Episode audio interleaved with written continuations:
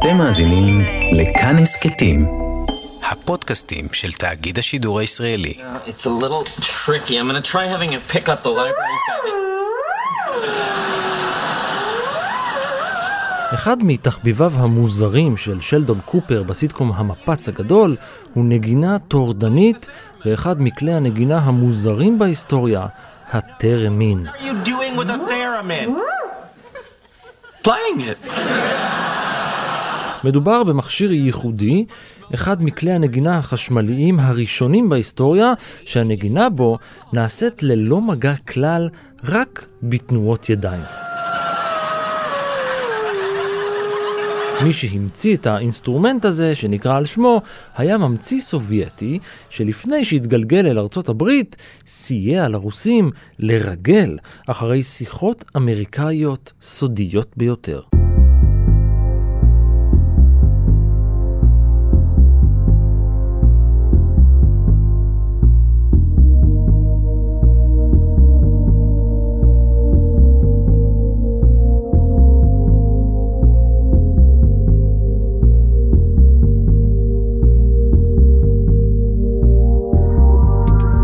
היי, אני רן מנהר ואתם על מנהר הזמן. מדי פרק אנחנו מספרים לכם על מקרה שקרה בעבר מזווית שכנראה עוד לא הכרתם. הפעם אנחנו חוזרים אל האיש וההמצאה שחוגג את השנה 100 שנות קיום.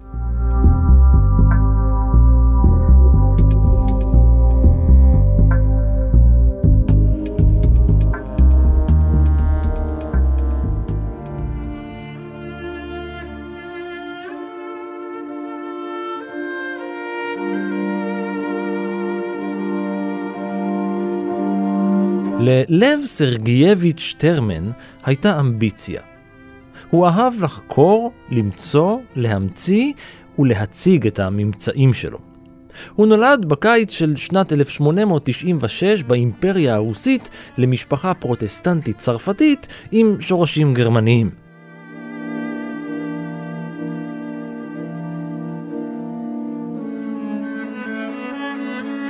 כשהיה בן 13 בערך, מול קהל של הורים ותלמידים, הוא הציג בבית הספר את ההשפעה שיש לחשמל על אופטיקה. זה לא מפתיע שילד פלא שכזה, שמתעסק בהמצאות ומחקרים מדעיים כתחביב, הקים בבית מעבדה. ושם, במעבדה הביתית שלו, בין שיעור צ'לו אחד לשני, הוא ערך ניסויים במעגלים חשמליים במתח גבוה, בשדות מגנטיים ובאופטיקה. בתשעה במאי 1913, יחד עם בן דוד שלו, טרמן בן ה-17 יצא ליום בילוי. זה לא היה פיקניק או טיול בשטח, לא הצגה או מחזה, השניים הגיעו לאחד האירועים המכוננים בתולדות הפיזיקה. הם הלכו לראות את אברהם יופה מגן על עבודת הגמר שלו בנושא האלקטרון. בילוי סובייטי שכזה.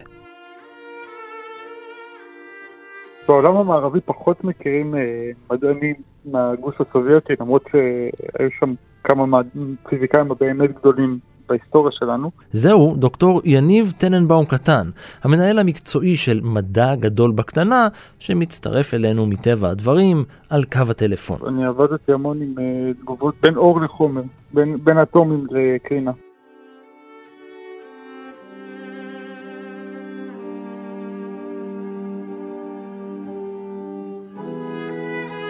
אברהם יופי, אבל הוא באמת מקרה מיוחד בגדולה שלו. קודם כל הוא היה תלמיד של אה, רנטגן, אותו רנטגן שכולנו מכירים מהקרינה, אצלו הוא עשה את הדוקטורט.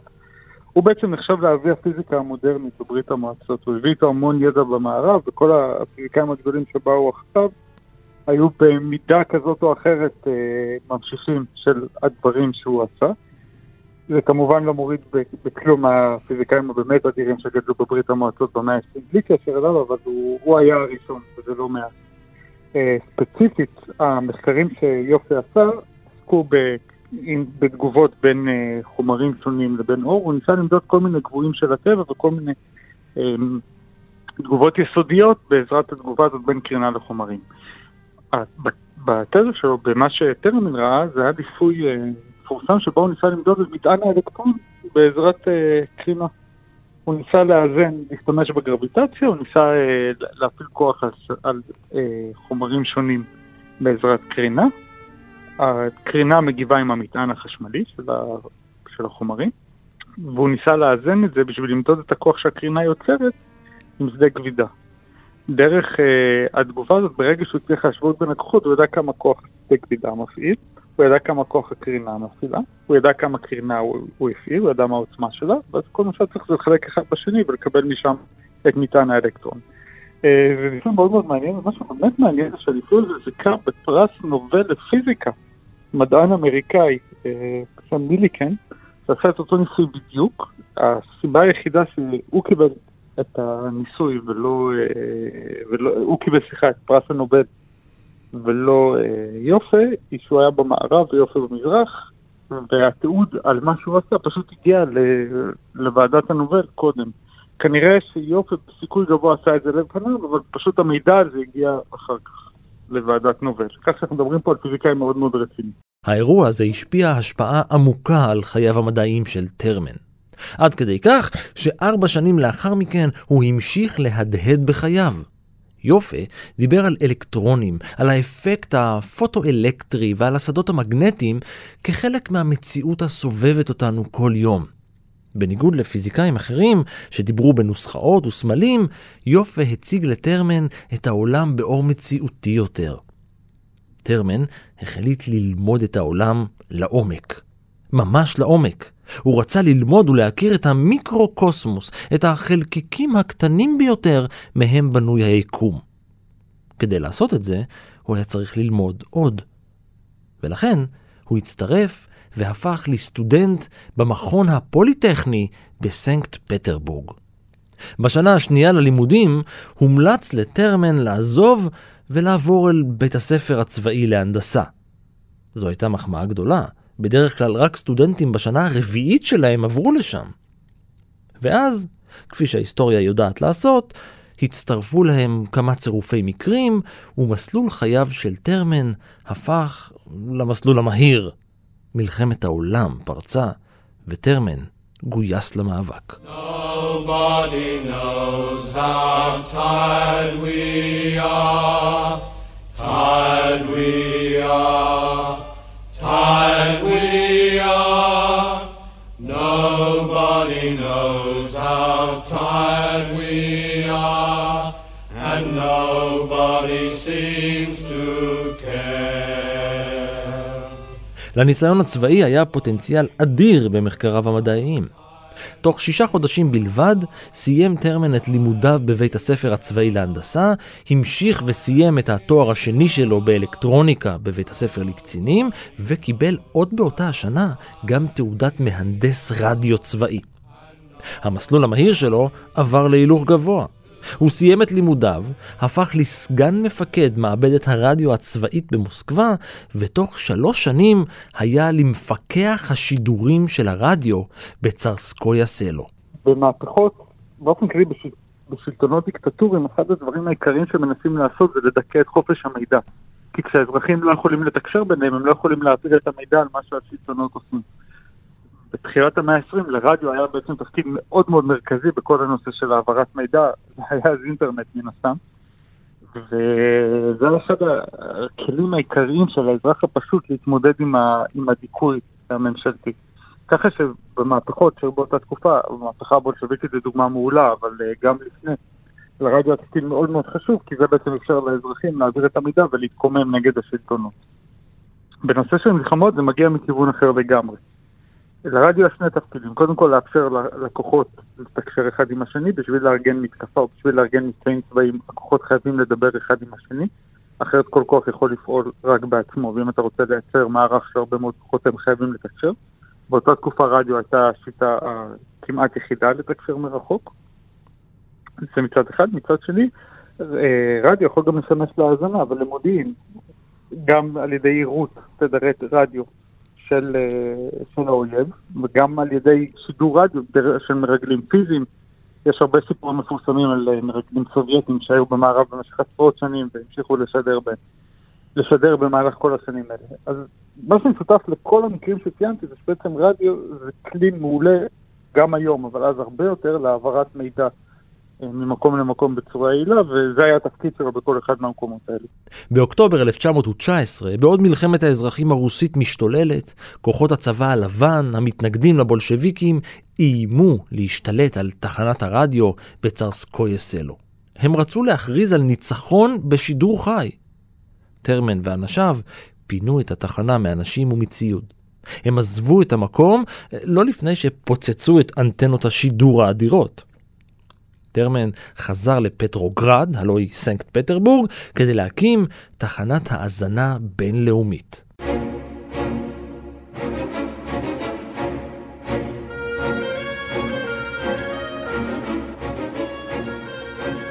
היה לו חלום, מין חזון נורא נורא גדול ליירט אה, תחנות, שידורי רדיו מכל העולם, ובעצם אה, לאפשר תקשורת כלל עולמית אחד עם השני דרך אה, שידורי רדיו. כזה, זה, זה לא כל כך עבד, הסובייטים לא שיתפו פעולה, חלום גבה.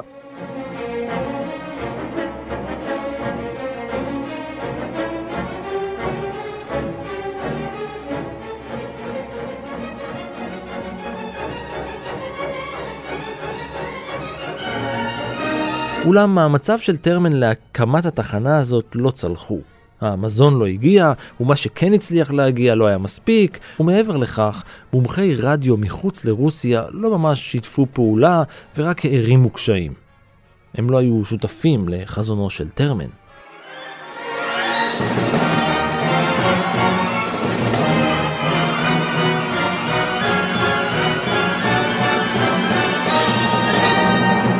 המצב נראה אבוד, ונראה כי נתיבו המקצועי של טרמן הגיע לדרך ללא מוצא. בדיוק אז התקשר אליו אברהם יופה. הוא הזמין אותו לעבוד איתו יחד על פיתוח שיטות מדידה לתנודות חשמל במתח גבוה במכון הטכני-פיזי החדש בפטרוגרד. מה שנקרא סגירת מעגל.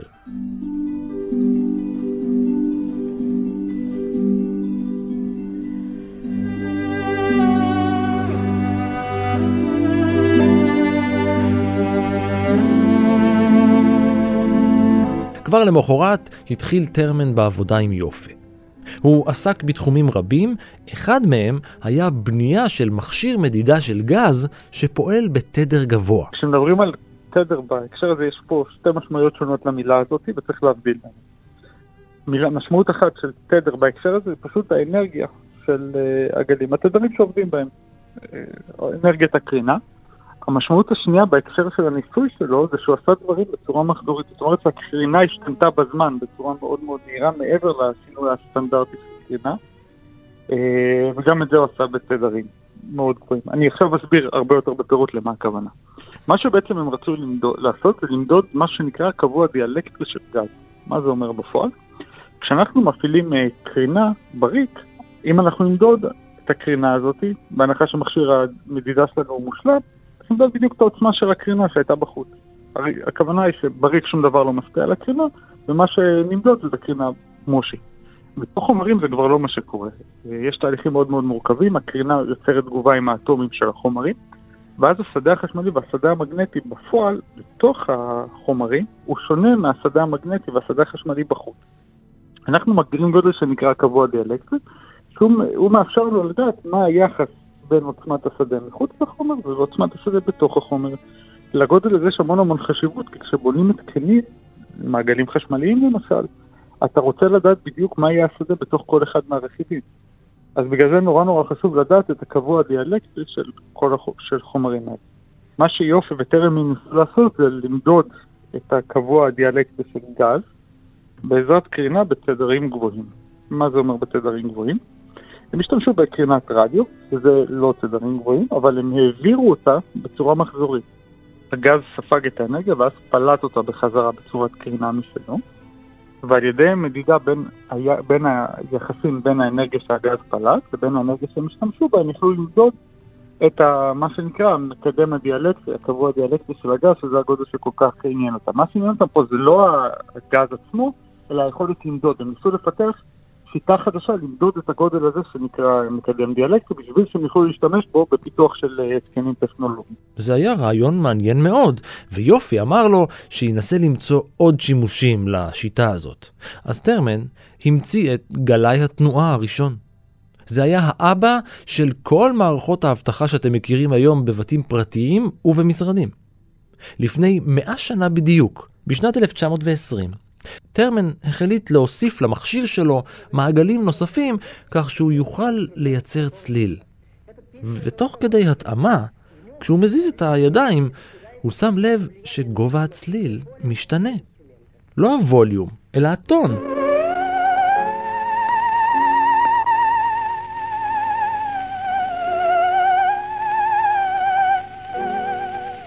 זה היה ממש מוזר.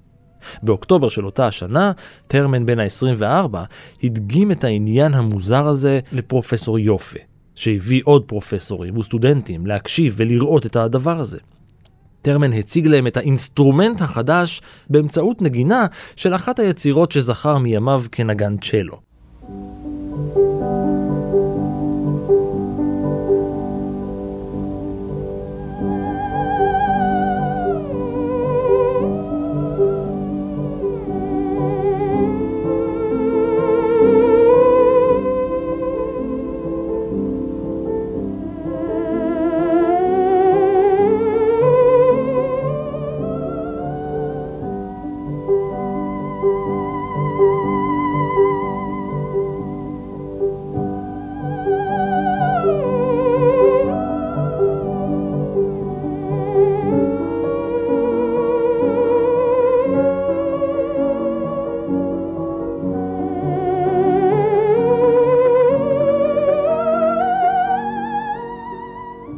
אחרי חודש, טרמן כבר הופיע לראשונה בציבור עם ההמצאה שלו, לה הוא קרא אתרפון, על שם גלי האתר.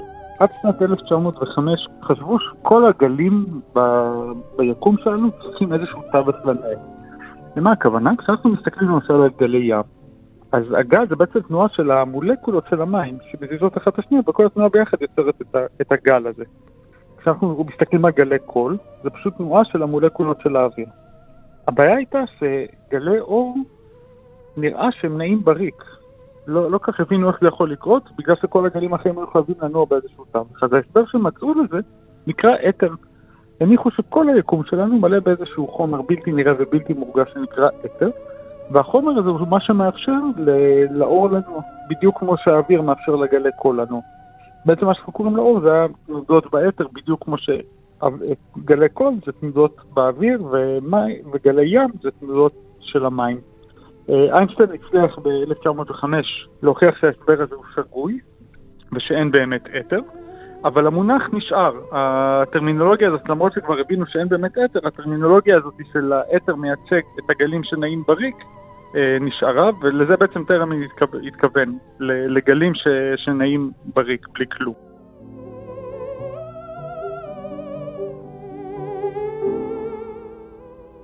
ברחבי ברית המועצות הלך והתפרסם המכשיר כטרמנבוקס, על שמו של טרמן. אבל המצאה שכזאת לא הייתה יכולה להישאר בגבולות רוסיה בלבד, ובשנת 25 יצא טרמן לגרמניה כדי לנסות ולמכור את ההמצאות שלו לחברה גרמנית, גם את מערכת השמירה שלו וגם את האתרופון שלו, שם הם קראו לו טרמינווקס. הוא נשאר באירופה במשך שנתיים, וניסה את מזלו גם בפריז ובלונדון, ובזמן הזה הוא המציא עוד משהו, טלוויזיה אלחוטית. זו גרסה מאוד פרימיטיבית, אבל העקרונות דומים. הוא הצליח לשדר אה, מידע בצורה אלחוטית, בצורת גלי רדיו. בטלוויזיה שלו, בגרסה הראשונה היו, אם אני זוכר נכון, 16 שורות, הכוונה היא 16 פיקסלים, אה, כשהיום בטלוויזיה 9,000. בגרסאות יותר מתוחכמות הוא הגיע ל-64, אבל זה היה משהו מאוד מאוד מעורפל, וזה הצליח לשדר תמונות מאוד מאוד לא ברורות, אבל עדיין הבסיס היה שם. הוא ממש ייצר את ההתקן שהיה דומה מאוד לטלוויזיות של המאה ה-20 ברעיון הפעולה שלו. הטלוויזיה הייתה המצאה די חדשה, ובשנת 24 היא הוצגה באנגליה. אחרי שנה כבר שודר לראשונה סרט אנימציה בטלוויזיה. ב-7 ביוני 1927 הצליח טרמין להציג תמונות נאות במכשיר הטלוויזיה הנייד שלו. הוא ניסה את מזלו בהופעות מול קהל. בתים מלאים, עמוסים, מפוצצים באנשים שמעו וראו אותו מנגן על ההמצאה שלו. אבל באירופה לא קנו אותה. בסוף שנת 27 הוא חצה את האוקיינוס והלך לנסות את מזלו בארצות הברית.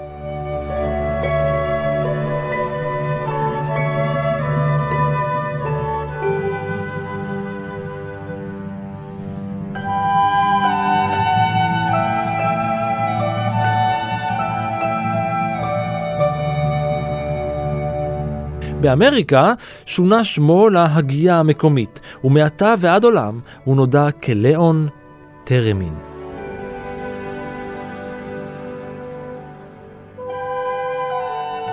בשנת 1928 הוא ניגן עם הטרמין שלו, כפי שהוא נקרא באמריקה, יחד עם הפילהרמונית של ניו יורק. עוד באותה השנה הוא רשם פטנט על המכשיר שלו. על פי הפטנט, המכשיר מורכב משתי אנטנות מתכת שמזהות את מיקום הידיים של הנגן. יד אחת שולטת בתדר ויד שנייה שולטת בווליום. האות האלקטרוני של האינטראקציה הזאת מתורגם לצליל על ידי רמקול.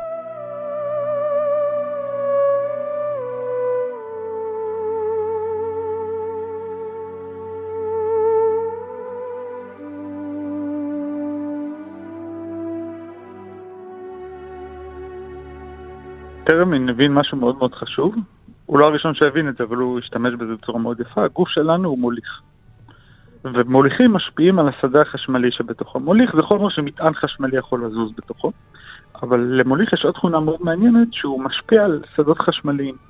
הסיבה היא שהשדות החשמליים גורמים למטענים שבתוך המוליך, או במקרה הזה בתוך הגוף שלנו לזוז, ואז המטענים האלה מייצרים שדה חשמלי משל עצמם. טרמין השתמש בעיקרון הזה, בעובדה, בעיקרון שהגוף שלנו הוא מוליך, והוא גרם לו בעצם סוג של לסגור מעגל עם, ה, עם הכלי נגינה. זה קצת יותר מורכב מזה כמובן, זה לא סתם סגירת מעגל פשוטה, ויש פה עוד כמה שהם תהליכים שאני אסביר עליהם ממש בצורה פשוטה, בצורה בסיסית.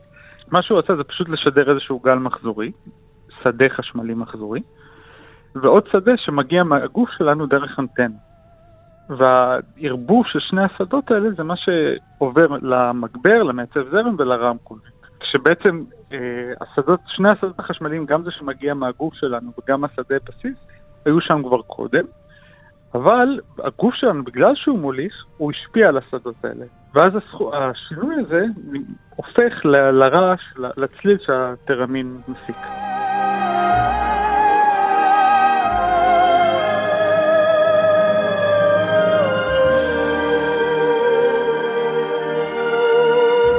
ועוד בשנת 1928 מכר טרמין את הזכויות לייצור מסחרי של טרמין ווקס לחברת האלקטרוניקה הגדולה RCA שהייתה בבעלות תאגיד ג'נרל אלקטריק. טרמין הפך לכלי הנגינה החשמלי הראשון שיוצר בייצור המוני, אבל הוא לא היה הצלחה של ממש. למעשה, הוא לא היה הצלחה בכלל. הוא שוחרר לשוק מיד לאחר נפילת הבורסה בשנת 1929 ותחילת השפל הכלכלי הגדול. למרות זאת, הוא היה רעיון מרתק, ואנשים ברחבי העולם היו מוקסמים מהרעיון של לנגן בכלי בלי לגעת בו. הוא הפך להיות הכלי החדש בעולם המוזיקה, ובשנת 1930 הופיעו עשרה טרמינאים באולם קרנגי.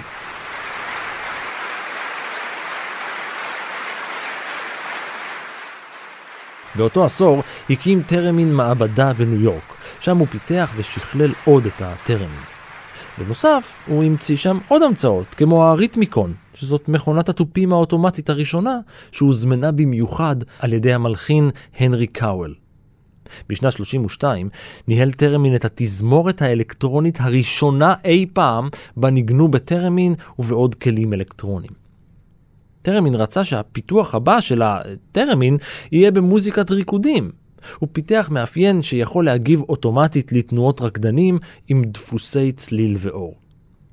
לטרמין, לאיש ולמכשיר, יצא שם של ממש. עד כדי כך שרשות בתי הכלא הפדרלית של ארצות הברית סחרה את טרמין לבניית גלאי מתכות לכלא השמור בעולם, כלא אלקטרז. נראה שההצלחה הייתה שלו. אבל בשנת 1938 הוא חזר בפתאומיות לברית המועצות.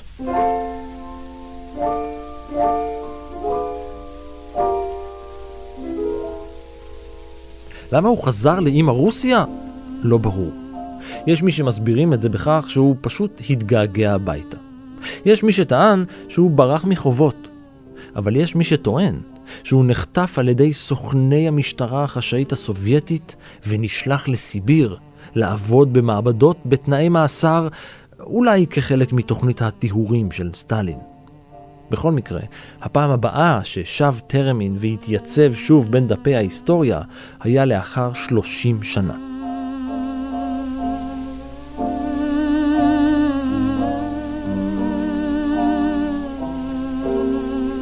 במהלך עבודתו בסיביר, יצר טרמין את מערכת הציטוט בורן. יש ויכוח אם באמת השתמשו בה, הסובייטים טוענים שכן, אה, אין עדויות ממש לזה שהם באמת השתמשו בה, וצריך מאוד להיות זהירים עם זה, כי הרבה דיווחים שהגיעו באותה תקופה מהצד המזרחי של מסך הברזל היו מאוד מאוד לא אמינים. הרעיון במערכת הוא שנניח שאנחנו נמצאים בחדר סגור ואנחנו מדברים. אז כמו שאמרתי קודם, כשאנחנו מדברים אנחנו מזיזים את גלי, את מולקולות האוויר שמסביבנו. כל שלנו זה בעצם תנודה של מולקולות האוויר. עכשיו בוא נניח שבחדר הזה יש חלון. אז החלון הזה ירעד בגלל גלי הקול שאנחנו יצרנו.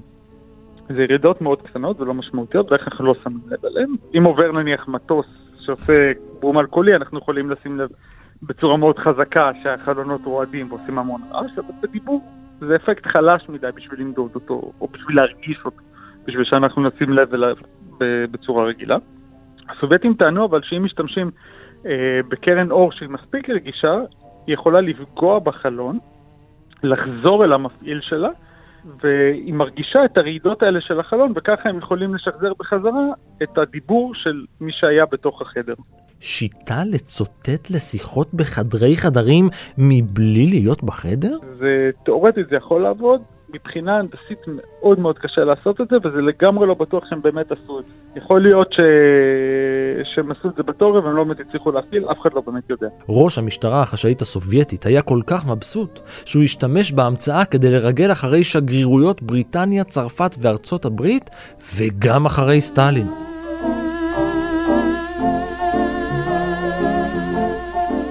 אבל המצאה אחרת של טרמין, באותו התחום, עשתה לסובייטים שירות הרבה יותר גדול. קראו לה הדבר, The Thing.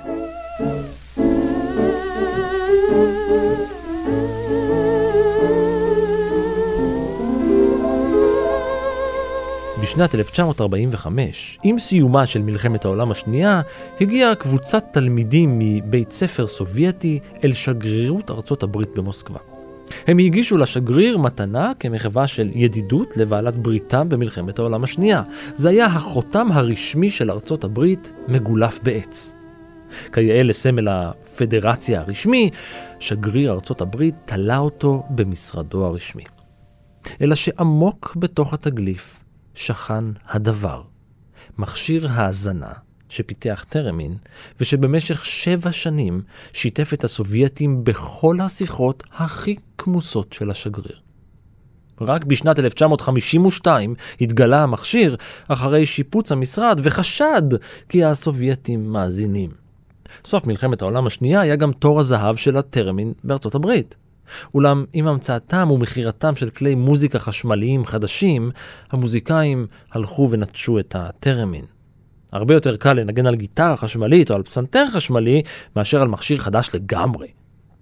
גם לאחר ששוחרר ממחנה הכפייה, המשיך טרמין ועבד עם הקג"ב בהתנדבות עד 1966.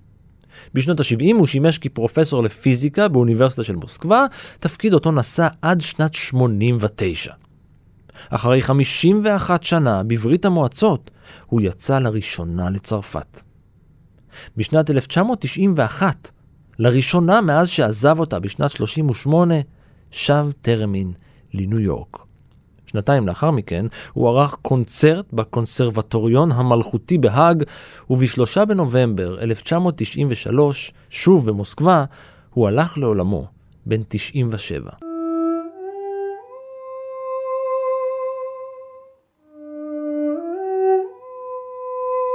כפי שניתן לשמוע, מכשיר הטרמין מפיק צלילים צורמניים.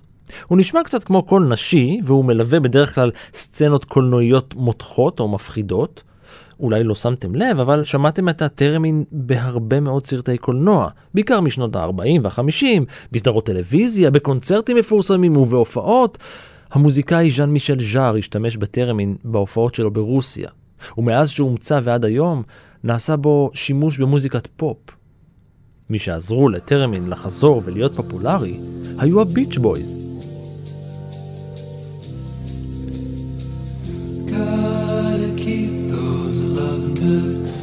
Vibrations are happening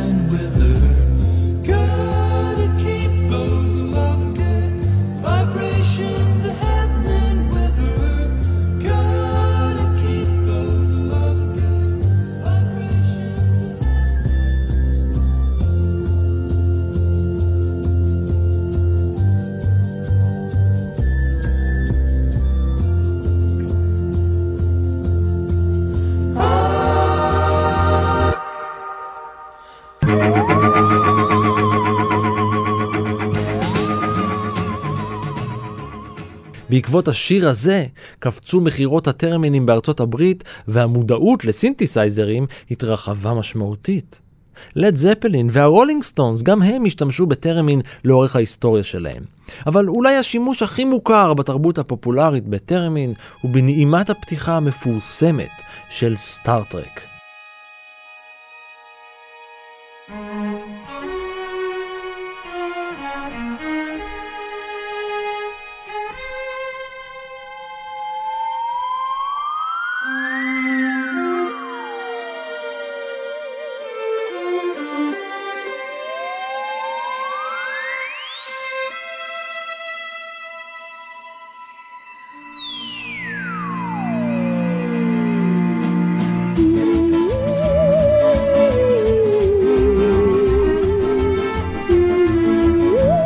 אז נכון, למרות שההקלטה הראשונה הייתה של זמרת סופרן בשם אלין קרסון, לגרסה המעודכנת של הפתיח הקלאסי כבר הוקלט טרמין.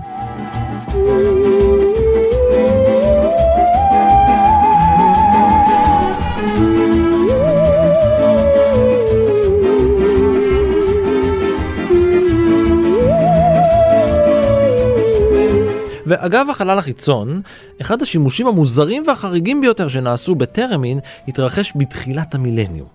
זה היה קונצרט הטרמין הראשון לחוצונים. ביולי שנת 2000 הגיש המדען הראשי של מכון הרדיו הרוסי, אלכסנדר זייצב, הצעה למצפה הכוכבים ארסיבו. יחד עם קבוצת בני נוער מארבע ערים רוסיות, נבחרו יצירות מוזיקליות ויעדים בין כוכביים, כשהמטרה היא לשדר אליהם מסר. הרעיון הזה נדחה על הסף. אתה נורמלי? אמרו לו. אתה יודע איזה סכנה תהיה לנו אם נגלה לחוצנים שאנחנו פה? מי יודע מי יענה לנו? אבל בסופו של דבר תמכה ביוזמה מחלקת החינוך במוסקבה, וטלסקופ הרדיו יפטרוביה נרתם לפרויקט. תחת הכותרת Teenage Message, מסר לגיל העשרה, שודרה סדרה של שידורי רדיו בין כוכביים לשישה כוכבים בספטמבר 2001. שש יצירות קלאסיות שנוגנו עם טרמין ושודרו שש פעמים במשך שלושה ימים. כל שידור כלל שלושה חלקים, סאונד, קונצרט טרמין לייב ונתונים דיגיטליים, תמונות וטקסט. זו הייתה הפעם הראשונה בה יצא מכדור הארץ מסר בין כוכבי מוזיקלי. הנושא הזה של אה, לשלוח מסרים לחלל, זה לא פעם ראשונה, זה כנראה אחת הפעמים הראשונות שזה קרה, אבל זה לא הפעם האחרונה, זה דברים שקרו עוד מאז. אה, כל הפעולות האלו הוא דיון ציבורי מאוד ער והרבה זעם בחלק מהמקרים, כולל בזה על האנשים שעמדו מאחורי השידור, כשהטענה המרכזית היא שאנחנו לא יודעים למי השידור הזה יגיע, אנחנו לא יודעים מי נמצא בחלל, יש לנו אפס ידע על האם יש תרבויות אחרות, ובמידה ויש תרבויות אחרות, מה היכולות הטכנולוגיות שלהם וכמה הם עוינים. אחת הטענות שנשמע הרבה פעמים זה שמאוד יכול להיות שיש תרבויות מאוד עוינות, מאוד חזקות, מאוד מתקדמות טכנולוגית, שלא מודעות בכלל לקיום שלנו, והמסר הזה יכול פתאום להגיד לה מי אנחנו פה. וזה יכול להיגמר מאוד מאוד רע מבחינתנו, כי אם, אם באמת יש תרבויות כאלה וזה יגרום להם להגיע אלינו, היכולת שלנו להתגונן היא קרובה לאפס, אם הם מספיק מתקדמות. אז הנושא הזה אה, הוביל להרבה ביקורת לכל אה, עניין השידורים לחלל, אבל ביקורת הזאת היא משהו שקרה בכל אחת מהפעמים שגוף כזה או אחר שידר מסרי רדיו לחלל, במיוחד כשזה נעשה על דעת עצמו ובלי תיאום עם אה, מספיק גופים שמנסים להעריך את רמת הסיכון בזה. ועד כאן מנהר הזמן להפעם. תודה ליניב טננבאום קטן. תודה גם לאור מנהר שנעלם בפתאומיות, חזר באותה פתאומיות והיה על ההפקה, ולניר גורלי שהזיז את הידיים בכל הכיוונים והיה על העריכה. עוד סיפורים מההיסטוריה ופרקים נוספים של מנהר הזמן מצפים לכם כל העת, באתר שלנו, באפליקציה כאן, בכל יישומון הסכתים אחר וגם בספוטיפיי. כרגיל, אתם מוזמנים לעקוב אחריי ברשתות החברתיות, בפייסבוק, בטוויטר, להגיב, להציע רעיונות, ובעיקר להתחבר. חפשו מנהר הזמן ברשת. אני ערן מנהר, נשוב וניפגש בפרק הבא.